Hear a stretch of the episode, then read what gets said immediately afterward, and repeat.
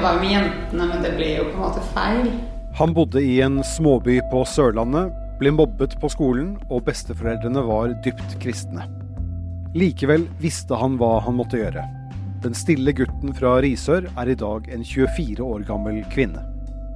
Antallet mennesker som får kjønnsbekreftende behandling har økt kraftig de siste årene. Hvorfor det, og hvordan er det å gå gjennom en sånn prosess? Dette er Forklart fra Aftenposten. Jeg heter Kristoffer Rønneberg. Det er fredag 28. februar.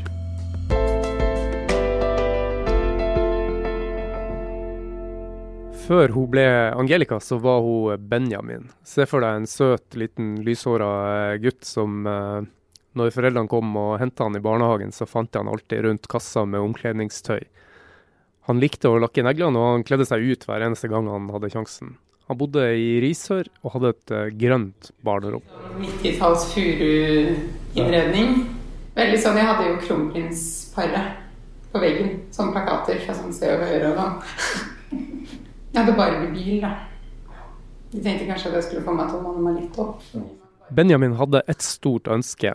Det ba han til Gud om hver eneste kveld. Jeg husker mye er liksom de der nettene før jeg gikk og la meg. Hvor jeg liksom bare holdt hender og bare Vær så, vær så snill, kan jeg våkne som en jente? Benjamin ba til Gud for han hadde noe som heter kjønnsinkongruens. Det at du eh, ikke kjenner deg som det biologiske kjønnet du, du, har. Du er rett og slett født i det som populært heter feil kropp. Sånn siste åra på barneskolen så gikk jeg alene. Og det var vel ikke det at ingen ville gå med meg, men det var bare det at jeg følte selv at jeg følte følt meg så spesiell og rar.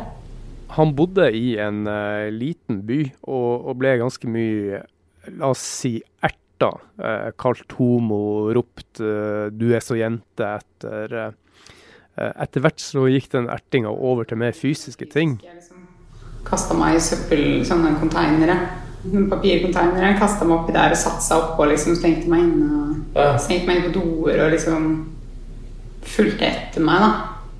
Uh, skoleballet i 9. klasse ble et skikkelig vendepunkt for, uh, for Benjamin. Uh, han bestemte seg for å gå som jente, så han kledde på kjole, høyhælte sko, fikk hjelp til å sminke seg og fikk lånt en parykk av, av, av ei bestemor som hadde vært kreft, kreftsyk. Eh, det ble en knallsuksess. Det var ingen som mobba meg da, på det yngeballet. Ingen sa noen ting. Folk var liksom faktisk veldig snille den dagen der, altså. Selv ikke da den lånte parykken datt av under litt sånn vill dansing og, og sklei bortover gulvet, ble det, pinlig eller ekkelt. Robert Veiåker Johansen er journalist i A-magasinet, og han har møtt Angelica. I dag er Angelica ei 24 år gammel, eh, veldig tøff eh, kvinne. Hun er tilknytta et eh, modellbyrå som ikke ante noe om fortida hennes før hun kom dit. Hun jobber i en av de større motebutikkene i Oslo, og hun er full av drømmer og full av planer. Hun har gjennomgått en full kjønnsbekreftende behandling, som, som i korte trekk betyr østrogen, brystoperasjon, og ikke minst at legene på Rikshospitalet har lagd en vagina av det som før var penisen hennes. Robert, hva forteller hun deg om hvordan det har vært for henne å leve med kjønnsinkongruens? Uh, hun har hatt det mye tungt, kanskje først og fremst fordi det er så forvirrende å ikke vite hva som i hermetegna er, er galt. Uh, og hun ble en del erta. Uh, og etter hvert ble ertinga fysisk. Og helt fra hun var ung ungdom reiste hun alene fra Sørlandet til Rikshospitalet i Oslo for å gå gjennom programmet og testinga alle som vil ha kjønnsbekreftende behandling, må gjennom. Hun har vært veldig mye utålmodig, spesielt når det handla om de helt sånn avgjørende operasjonene nedentil. I fjor var det 440 mennesker som møtte opp på Rikshospitalet sin avdeling for voksne med kjønnsinkongruens. Hva gjør du hvis du er født i feil kropp? Vi er straks tilbake.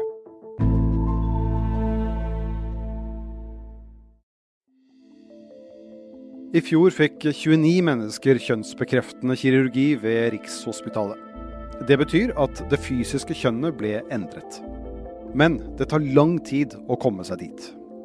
Det hele starter med en time hos fastlegen, som kan henvise videre til DPS, altså en lokal psykolog, for vurdering. Så kan man henvise til oss Dette er Kjersti Gulbrandsen. Hun leder avdelingen for kjønnsidentitetsutredning av voksne i den nasjonale behandlingstjenesten for kjønnsinkongruens. Så bruker vi ca. et års tid på å eh, sette en diagnose.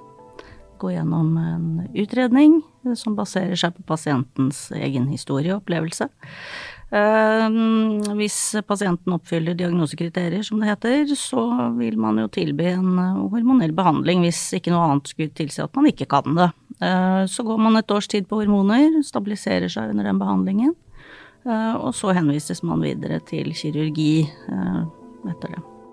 Og etterpå kan alle som har gått igjennom behandlingen få oppfølging i fem år. Det betyr én samtale i året hvis det ikke er behov for mer. Og dette kombinerer vi også med, med, forskning, så vi har oppfølgingsstudier som vi henter inn data i forhold til. Kan du fortelle litt om utviklingen i antallet mennesker som eh, blir behandlet for kjønnsinkongruens?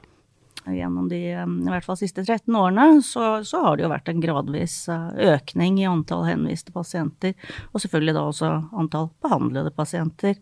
Um, Hvor mange var det i fjor, f.eks.?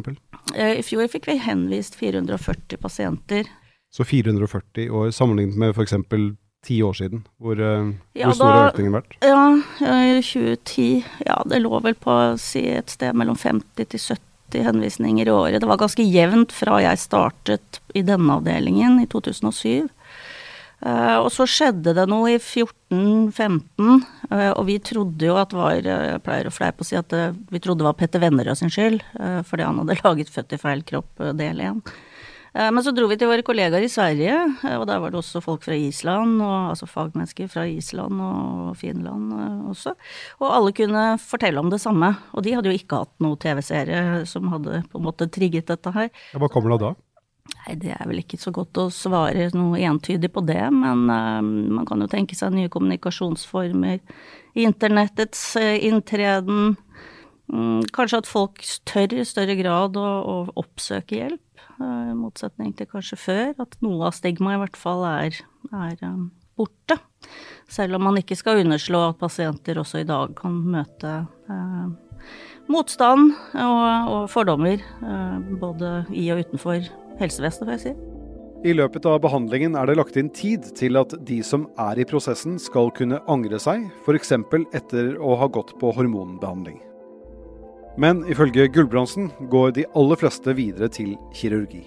Det er jo kun et lite, veldig lite mindretall som, som velger bort uh, kirurgi overhodet. Uh, så, så, kan det jo være slik at det er ulike behandlingsønsker. Uh, slik at det er jo veldig åpent, altså det må jo tilpasses den enkeltes behov. Jeg pleier å si at hvis dysforien, som er det vi behandler, altså kjønnsdysforien, hvis den forsvinner ved grunnmuren, så skal vi vel ikke behandle opp til pipa. Eh, det er vel ganske logisk. Eh, men forutsatt selvfølgelig pasienten oppfyller diagnosekriteriene, og at man vurderer at pasienten vil ha nytte eh, av en type behandling. Mm. Er det mange som trekker seg underveis? Eh, ja, altså Det vi fant ut i fjor, var jo at det var like mange som trakk seg, hvis vi skal bruke det uttrykket, som uh, vi anmodet om å ikke gå videre i prosessen. Altså hvor vi da avsluttet behandlingsforholdet. Og, og faktisk også noen få som, som har startet kanskje en hormonell behandling og finner ut at det ikke var greia likevel. Eh, at det passet ikke, og at kjønnsdysforien kanskje kom av noe annet. Eh, handlet om andre ting. Eh, det har jo selvfølgelig også forekommet. Mm. Hvis man gjennomfører en operasjon hvor man skifter kjønn, da er det vel ingen vei tilbake? Nei, altså regelen er jo det som fjernes, det er, det er borte. Eh, det kommer ikke tilbake igjen. Så det er et, en ugjenkallelig avgjørelse, en ugjenkallelig behandling. Eh, sånn sett så går det selvfølgelig an på noen måte å, bevege seg tilbake til sitt opprinnelige kjønn, i, i noen grad i hvert fall. Og vi har også hjulpet noen gjennom de siste 15 årene med å, å gjøre det. Siden utredningsprosessen ofte kan ta over et år, får Rikshospitalet også kritikk. Kritikerne mener at eh, prosessen tar for lang tid, og at det blir gitt for mange avslag. Ja, det ligger vel litt i sakens natur. Det er jo vår jobb, da. Eh, og sammen med pasienten finne ut av hva er, hva er egentlig dette her, og vil, vil vedkommende være tjent med eh, å gå gjennom en behandling. Alt hviler jo på pasientens narrativ og ønske, ikke sant. Utgangspunktet vårt er jo alltid at vi skal hjelpe pasienten og tilby en behandling. Men så er det ikke alltid gitt at det er det riktige likevel, eller kanskje det er feil tidspunkt. Eh, jeg vil jo si at i all hovedsak så er de pasientene enig i den beslutningen og har også tatt del i den, og har da, eh, jeg må jo nok en gang nevne de lokale behandlerne, eh, som også er der. Sånn at vi, alt dette foregår jo i en sammenheng. Det er jo ikke slik at folk kommer til oss, og så får de liksom døra midt i fjeset om morgenen. Eh, det, det, er jo en prosess rundt det også, ikke sant, og vi tar oss tid.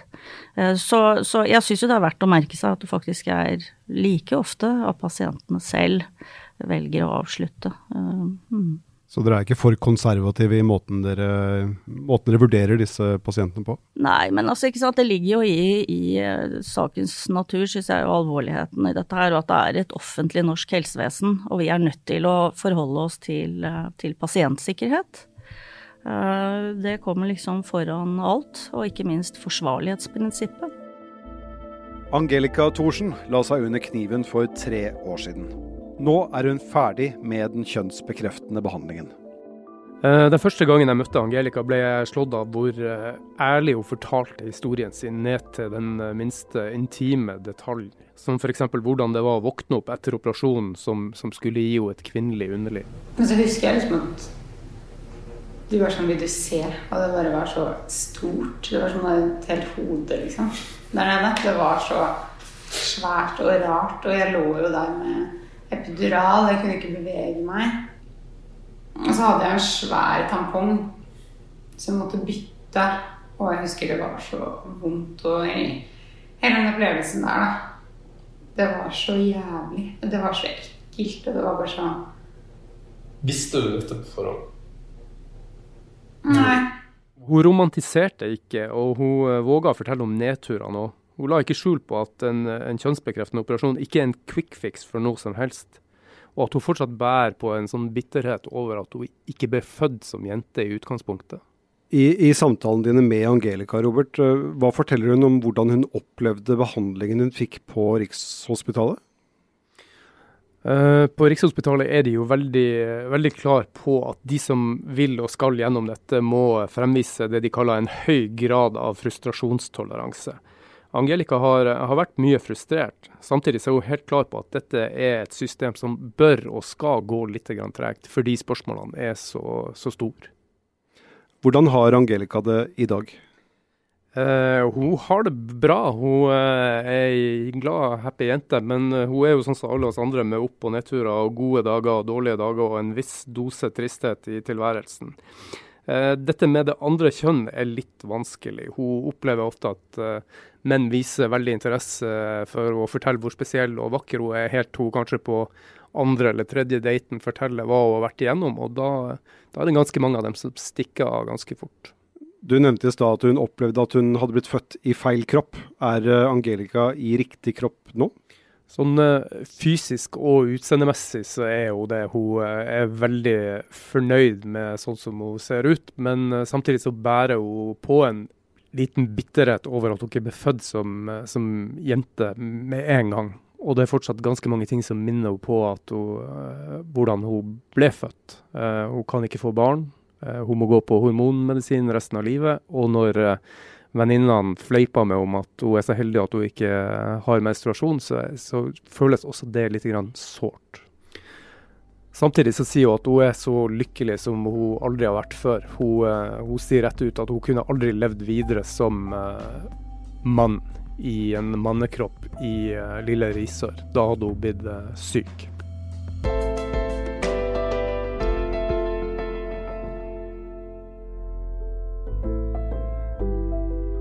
Forklart lages av Caroline Fossland, Anne Lindholm, Andreas Bakke Foss og meg, Kristoffer Rønneberg.